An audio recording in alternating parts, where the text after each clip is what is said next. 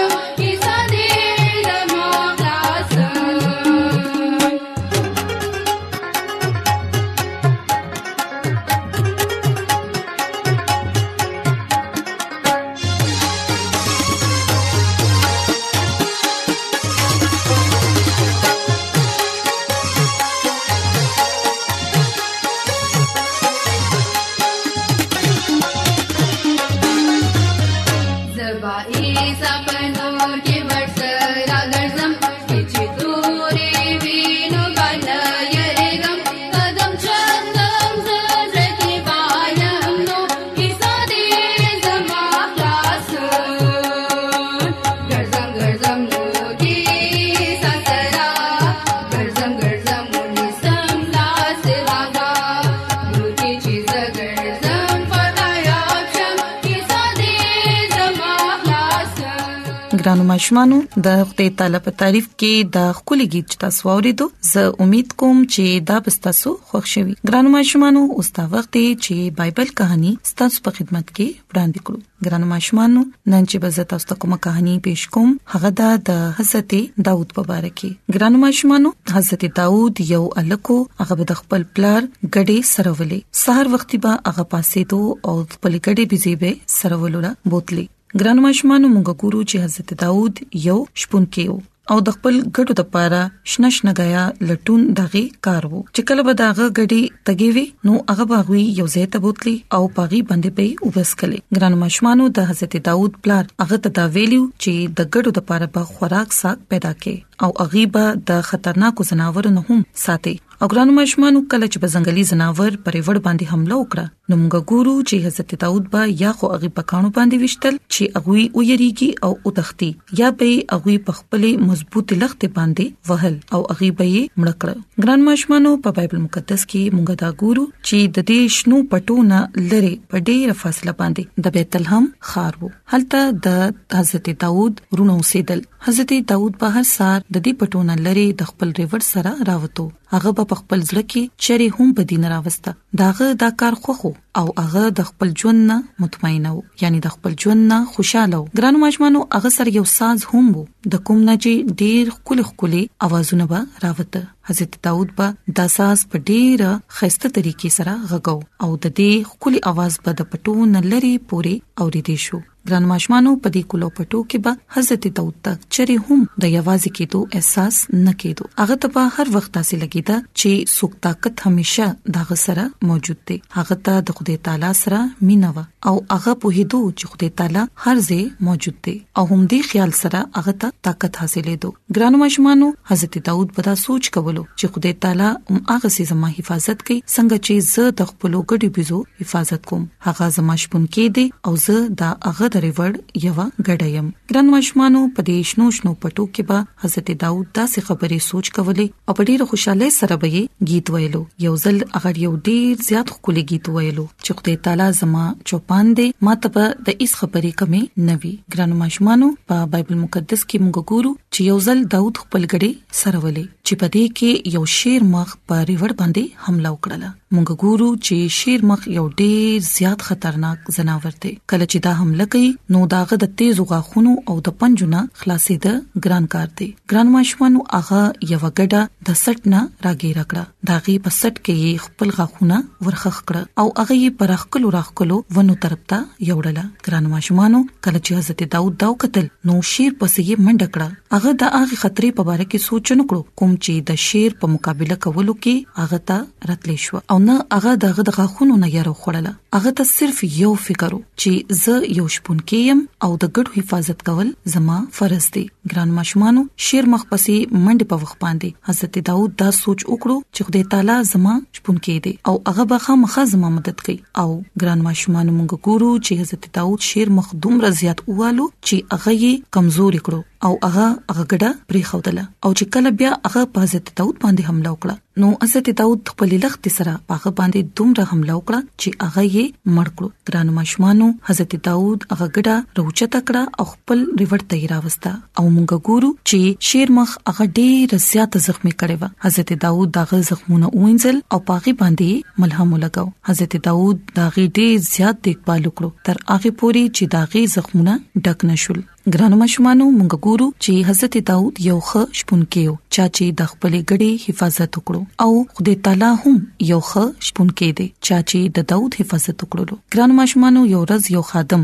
په پټو کې د داوود بنوم باندې دا پیغام راوړو چې زما اکا اوس کور تراشه ولې چې یو ملما سیمویل نومې ستا د پلار سره ملاوي دول راغلي دي حضرت داوود چې دا پیغام واوریدو نو خپل پلار لا واپس راغی او بزرګ سیمویل سره ملاو شو ګران ماشومانو هم په دغه وخت کې سیمویل را پاسې دو هغه د خپل جیب نه د غوا یو خکر روخ کلو کوم چې د اعلی قسم د تیلو نه ډکو د تیلو سره به خلک مسکول سیمویل داوود په سر باندې دا تیل ورواچولو او وی ویل خدای تعالی دا سي فرمایي چې اے داوود زه تا د بنی اسرائیل بچا کېدو د پاره مسکوم په یو څو کالو کې به ته د بنی اسرائیل بچا جوړ شي ولې چې ستا زړه د خدای تعالی د مینې نه ډک دی ګرانو مشمانو دا یو ډیر حیرت انگیز پیغام وو داوود یو معمولی شپونکی او اوس هغه د بنی اسرائیل د بچا جوړېدو لپاره مساکړې شو خدای تعالی چې کوم لوس کړو داوود ته پاغي باندې اعتماد ولې چې خدای تعالی چری هم سلوس کوي نو هغه خامخا پوره کوي نو ګرانو ماشومانو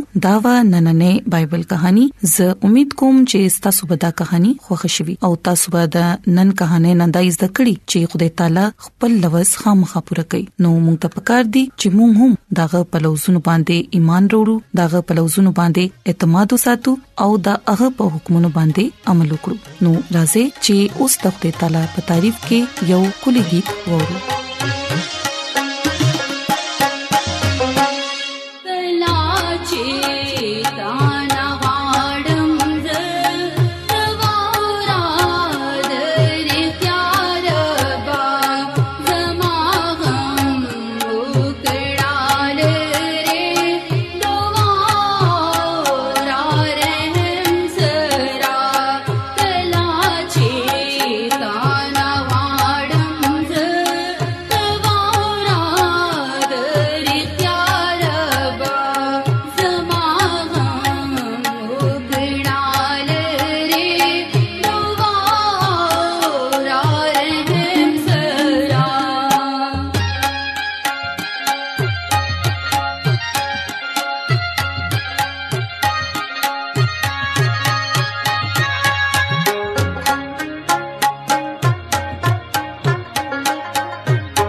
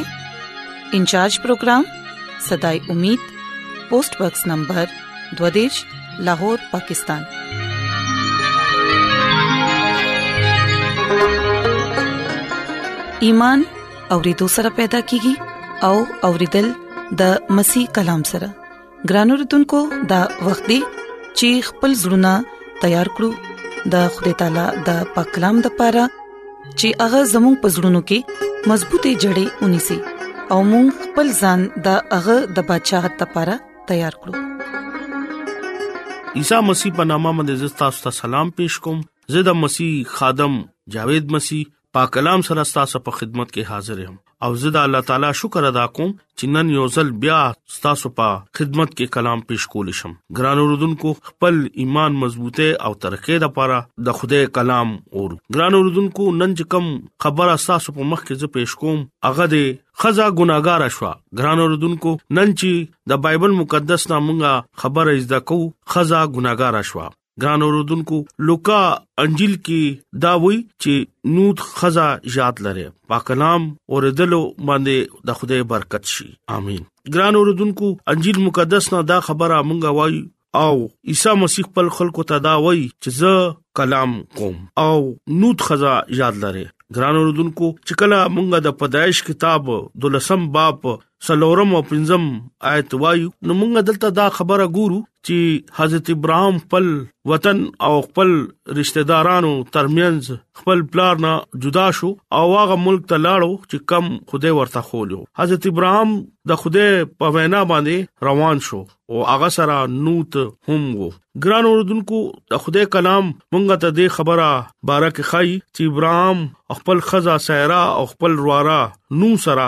خپل مال اسباب جمع کړو او هغه سړو سره چې کم حیران کې ملاو شو اغي ځان سره کو او مل کنان ته روانه شو ګران اوردونکو د خدای کلام مونږ ته دا وایي چې نوح او حضرت ابراهام ترمنځ کې جګړه ونشي نو دی خپل کې دا فیصله وکړه چې مونږه بیل بیل وطن ځان د لپاره خوښ کړو اغه خیلاس تلاړو او بل غس لاستا ګران اوردونکو حضرت نوح علیہ السلام صدوم تلاړو او هغه د خوده په نظر کې ډیر زیات بدکار او ګناګار وو ګران اوردونکو دغه خلک د خدای نه ډیر لري او ګناه کې دومره سر لاندې کړو چې اغي اس نا خبر نو ګران اوردونکو اغي عیاش پسند لونډابازي او زناکارې کې ډیر زیات مخ کې تلو او خدای ورته بار بار د توبه توفیق ورکولا چې تاسو توبه وکړئ او ځان خدای طرف ته راولې اغي د خدای خبره نه منل او ګناه طرف ته روانو ګران اوردونکو نو چې کم زه ځان د پرا خوخ کړو اغه د